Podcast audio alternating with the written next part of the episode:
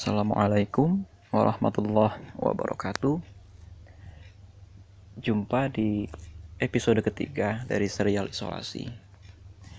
Saya memohon doa karena di tengah masa isolasi mandiri ini karena saya ditetapkan atau saya diputuskan dinyatakan gitu ya eh, terinfeksi COVID-19 gitu ya teman-teman sekalian. Uh, maka saya membuat serial-serial kecil semacam ini untuk menghindari bahasan-bahasan berat terlebih dahulu. Karena menciptakan bahasan-bahasan berat seperti biasanya itu butuh effort. Itu butuh buku yang tebal-tebal dan saya tidak mau sekadar asal bicara. Nah kita hari ini membicarakan sesuatu yang lebih santai. Apa yang mau saya bicarakan? E, banyak orang yang ternyata ketika setelah menikah dengan jalur ta'aruf. Nah, ini kontroversial. Dengan jalur ta'aruf ternyata pasangannya, baik suaminya maupun istrinya, masih menyimpan penyakit zina. Entah suaminya masih pacaran, entah istrinya masih pacaran, atau entah ternyata di kemudian hari dalam waktu pernikahan yang masih relatif muda, salah satu di antara keduanya berzina dengan orang lain. Atau mereka masih punya cerita yang belum tuntas dengan orang lain. Nah, ini saya hari ini membawakannya dengan gaya cerita saja ya. Dan jangan dianggap ini adalah satu kewajiban. Artinya jangan apa yang saya katakan ini ya tidak boleh dianggap sebagai fatwa. Karena kita hari ini sekedar sharing sekedar diskusi. Di podcast ngaji budaya ini saya ingin mengetengahkan. Bagaimana sih cara mendetailkan pertanyaan untuk mengetahui preferensi dia yang berkaitan dengan potensi zina? Bagaimana cara menggali e, potensi seseorang berkaitan dengan itu. jadi, rekan-rekan sekalian, saya ingin terlebih dahulu membongkar mitos. Ya. Mitosnya apa? Mitosnya seakan-akan tidak boleh bertanya terlalu detail pada saat ta'aruf. Ini keliru. Karena justru ya seseorang ketika ta'aruf itu memasang pagar pengaman agar apa? Agar proses ta'arufnya itu berkah, agar proses ta'arufnya itu tidak keluar ke mana-mana. Rahasia yang ada itu tidak keluar ke mana-mana, sehingga harus ditemani oleh mahram dan harus di tempat yang private. Harus di tempat yang rahasia, sebisa mungkin tidak ada yang tahu mereka sedang menjalankan proses ta'aruf. Maka saya tidak menyetujui atau saya tidak merekomendasikan kalau seseorang itu berta'aruf atau naudhor bahasanya ya setelah dia ketemu untuk saling bertanya tapi tempatnya di kafe dan lain sebagainya. Terserah tempatnya mau di mana yang penting tidak ada orang melihat mereka sehingga mereka bisa lebih buka-bukaan. Tentu dengan ditemani oleh mahramnya atau guru ngajinya. Sebaik-baik teman tentu adalah orang tuanya. Tapi kalau orang tuanya punya uzur tidak paham agama dan lain sebagainya maka murabi atau ustadz atau kiai kita atau senior kita yang punya pemahaman agama yang tinggi atau siapa pun itu bisa menggantikan yang penting mengenal kita. Nah, kita lanjut kepada pertanyaan, bagaimana cara menanyakan itu? Kita mulai dulu dari yang bagaimana perempuan bertanya kepada yang laki-laki mengenai preferensi eh, bagaimana pendapat dia mengenai zina atau kita ingin membuka eh, apakah dia ini punya potensi zina atau bahkan sedang berpacaran ini. Ya, setelah kita yakini ya, atau setelah kita sepakati dulu nih ya bahwa orang ketika taaruf itu harus mendetailkan pertanyaan, maka teman-teman dari rumah itu siapkan pertanyaan sesi khusus persoalan hal-hal yang berkaitan dengan satu pacaran, dua perzinahan, tiga kebiasaan-kebiasaan seksual yang biasa seseorang lakukan sebelum menikah. Yang pertama soal pacaran. Gak usah ditanya dia pernah pacaran apa enggak. Ya, tanyakan kepada dia Bagaimana menurut antum batasan wajar seorang ikhwan dengan akhwat yang belum menikah ketika berinteraksi? Tanyakan kepada dia dengan wajar seperti itu. Nah, gitu ya. Oh, nanti dia akan cerita, oh ya batasan wajarnya begini, begini, begini, begini, begini. Tentu dia tidak akan menyangka, loh, oh pertanyaannya seperti ini. Nggak apa-apa, kita tembak dengan pertanyaan seperti ini. Ya, ini kalau merobinya atau kalau ustadznya itu cerdik, ya, cerdik dalam artian ingin menghindari bencana di kemudian hari, memang harus mempersiapkan ini. Setelah itu kita kejar lagi pertanyaannya, ya. Antum akan cemburu nggak seandainya saya dikontak oleh seorang laki-laki yang bukan mahram saya? Nanti dijelaskan begini, begini, begini. Oke, lalu kita tanya lagi, di mana batas antum akan cemburu? Dia harus menjawab dengan clear dan dari jawabannya itu bisa kita nilai. Oh kelihatannya dia ini agak cair. Yang kedua kita tanya lagi, uh, bagaimana cara antum selama ini berkomunikasi dengan teman-teman yang akhwat, berkomunikasi dengan teman-teman perempuan? Uh, dia jawab nanti lewat chat apa segala macam. Kita tanya lagi, antum selama ini menerapkan jam malam atau tidak ketika berkomunikasi dengan lawan jenis? Tentu orang akan bertanya-tanya, emang ada orang seperti itu? Ada banyak. Banyak orang yang selama ini masih menetapkan jam malam ketika berkomunikasi dengan akhwat. Lalu kita tanya lagi, kalau jawabannya ya atau tidak terserah. Ya, ini baik atau tidaknya kembali kepada diri kita. Bukan menurut saya, bukan menurut orang lain, tapi menurut kita ini bagus apa enggak. Kalau misalnya tidak menerapkan jam malam ataupun menerapkan, kita tanya lagi, antum eh, punya nggak teman dekat perempuan, ya teman jangan pacar bahasanya, teman dekat perempuan yang eh, berkomunikasi terus dengan antum. Nah, tanya aja terus begitu. Ini masih boleh. Nah, terus yang kemudian tanya lagi begini, ya tanya lagi begini, bagaimana pendapat antum tentang pacaran?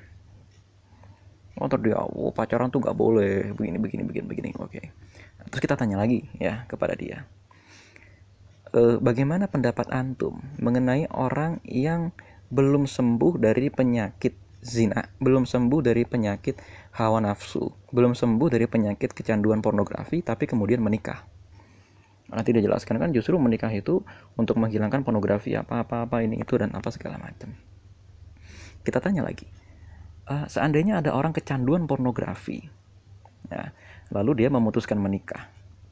Eh, kira-kira uh, penyakit kecanduannya ini bakal sembuh atau tidak ya? Nah, ya kan? Nanti kita nilai jawabannya. Oh, ternyata uh, dia punya pemahaman begini, begini, begini, begini, begini, begini. Oke. Terus kita tanya lagi sama dia. Bagaimana selama ini cara antum menghindari penyakit zina? Bagaimana cara antum selama ini menghindari zina? Kita tembak seperti itu. Kenapa kita tembak seperti ini? Meskipun ini bukan pertanyaan wajib ya. Sekali lagi saya ulangi, ini bukan pertanyaan wajib. Sehingga nanti kalau ada yang nanya, eh gitu amat sih pertanyaannya lebay. Ini bukan pertanyaan wajib. Artinya boleh ditanyakan, boleh enggak. Ya. Nanti dia akan menjawab begini.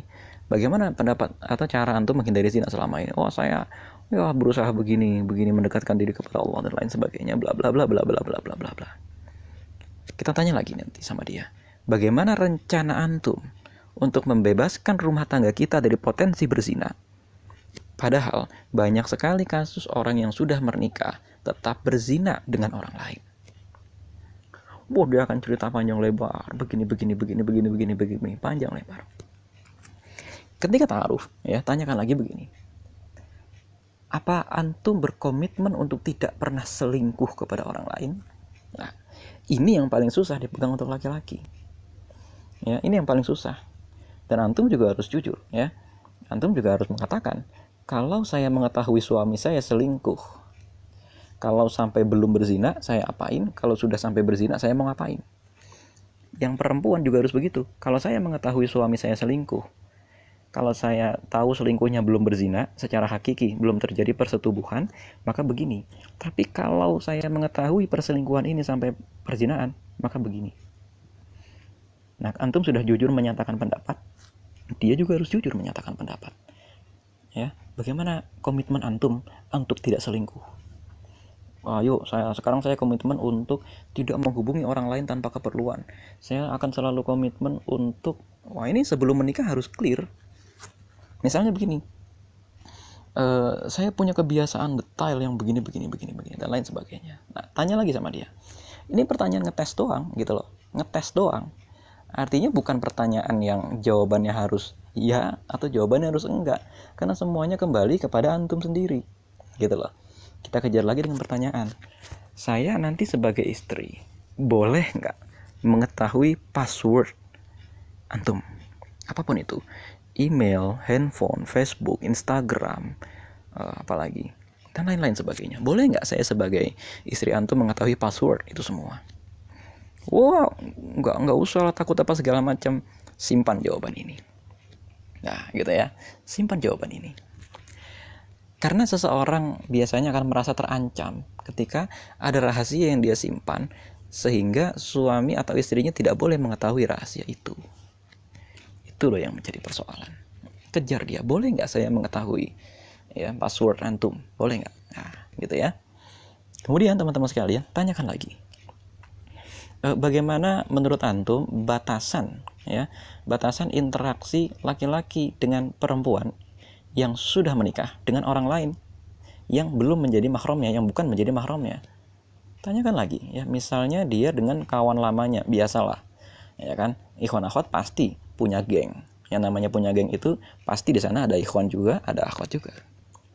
Bagaimana komitmennya? Karena ada orang yang seakan-akan ini kan teman kita dari lama, masa udah nikah nggak boleh komunikasi? Ntar dulu. Karena secara syariat Islam ini punya batasan.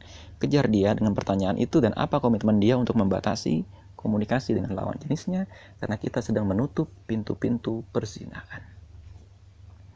Nah, kita tanyakan lagi sama dia. Ini pertanyaan pasti akan membuat dia terkejut. Bagaimana menurut antum dengan film-film yang menyelipkan adegan pornografi di dalamnya? Dia pasti akan terkejut. Ya, dia pasti akan terkejut. Terlepas dari apakah laki-laki ini konsumen film itu atau laki-laki ini benar-benar suci. Ada laki-laki suci itu ada. Tapi ada juga laki-laki yang memang matanya mohon maaf agak becat. Ya, agak becat ada. Nah, eh, rekan-rekan sekalian, kalau ya kita nilai dari jawabannya, oh ya itu wajar lah, begini begini begini begini lain sebagainya. Kita nggak perlu nanya dia pernah nonton apa enggak, tapi kita tanyakan aja pendapatnya saja bagaimana. Nah, gitu ya, kita tanyakan aja pendapatnya eh, bagaimana. Terus kita tanya lagi, antum suka film apa? Nah, uh, judul film yang antum tonton satu bulan terakhir atau yang antum tonton dua minggu terakhir apa saja nanti dia tulis film ini film ini film ini film ini film ini selama nanti selepas nazor dengan dia selepas tanya jawab dengan dia kita cari itu film itu ini film apa sih? Kita tanya sama orang ini film apa sih? Ini film apa sih? Ini film apa sih? Nah gitu ya. Nah ada lagi saya pernah ngobrol dengan salah seorang ustadz untuk mengetahui bagaimana seseorang yang uh, apa orang ini punya potensi berzina atau tidak ya, atau punya penyakit rahasia yang disembunyikan atau tidak. Caranya begini tanyakan kepada dia fenomena-fenomena kontemporer yang sering kali dijadikan tempat untuk mengakses konten perzinahan satu tanyakan kepada dia begini antum tahu uh, akun-akun alter di Twitter nggak? Antum tahu fenomena akun alter di Twitter nggak? Oh, alter tuh apa? Nah, jelasin sama dia. Itu apa namanya? Ada orang yang bikin akun dengan avatar artis idolanya dan kemudian mereka saling berpacaran dengan itu. Karena mayoritas pengguna akun alter adalah orang-orang yang memang uh, apa namanya mengonsumsi konten-konten porno di Twitter. Itu yang pertama, ya tanyakan fenomena itu. Yang kedua, tanyakan kepada dia jenis-jenis aplikasi yang biasa digunakan untuk mengakses konten porno. Kita lihat bagaimana jawaban dia. Bagaimana menurut antum tentang uh, fenomena Bigo dan TikTok atau aplikasi yang biasa digunakan untuk open BO? Ya open BO itu artinya buka jasa pelacuran online lah kira-kira. Kita tanya sama dia, oh begini, begini, begini, begini, begini, begini, begini, begini. Oke, dari jawabannya itu bisa kita nilai ini bagaimana sebetulnya dia ya kan dari mana ini ini bagaimana potensinya dia sebetulnya nah yang ketiga anime ya anime itu biasanya adalah e, sesuatu yang merangsang seseorang. Kita tanya kepada dia antum selama ini suka anime nggak? Anime apa yang antum suka? Terus sama dia dijelasin oh begini begini begini begini begini. Kita nilai oh ini kan anime yang begini. Oh ini kan anime yang begitu gitu ya dan lain-lain sebagainya. Nah pertanyaan ini yang paling sulit sekarang. Ini masih konteksnya kepada perempuan kepada laki-laki ya biasanya uh, preferensi seksual seseorang itu dipengaruhi oleh hubungan uh, internal dari keluarganya kita tanyakan antum punya masalah nggak uh, antara hubungan antum dengan orang tua atau dengan istri atau dengan apa orang tua dengan ayah atau ibu karena apa? Seseorang itu biasanya berpotensi menyalurkan uh, mental health issues-nya, menyalurkan depresinya kepada hal-hal yang sifatnya seksual atau kekerasan. Saya pernah menjumpai satu kasus rumah tangga yang suaminya ini ternyata sadomasokis. Sadomasokis itu masokis ya, masokis itu artinya dia harus melakukan kekerasan terlebih dahulu agar bisa menyalurkan hasrat seksualnya dan sebaliknya ada juga seorang perempuan yang harus diberikan kekerasan dulu baru si perempuan ini bisa merasakan kenikmatan ternyata kalau menurut beberapa psikolog, artinya tidak semua psikolog menyatakan begini, tapi sebagian kasus itu karena hubungan mereka dengan orang tua yang kurang baik. Sehingga mereka seakan-akan membalaskan dendamnya kepada salah satu jenis kelamin yang menurut dia menimpakan kesalahan di masa kecilnya itu. Mudah-mudahan kita terhindar dari orang-orang yang belum selesai dengan urusan seksual ini. Ya teman-teman sekalian lagi-lagi mohon maaf bahasan saya di sini agak vulgar. Dan lagi-lagi apa yang saya usulkan di sini untuk ditanya ini tidak wajib. Boleh nggak nggak ditanya? Boleh aja tapi ingat-ingat saja bahwa ternyata ada juga kasus rumah tangga yang bahkan bercerai dalam hitungan belum ada enam bulan karena ternyata suaminya masih berzina, suaminya masih pacaran, suaminya masih selingkuh, suaminya kecanduan video porno atau bahkan suaminya misalnya memang sebenarnya sudah bertaubat dari zina akan tetapi lupa dia pergi dari lingkungan yang dulu membuat dia berzina. Assalamualaikum warahmatullahi wabarakatuh.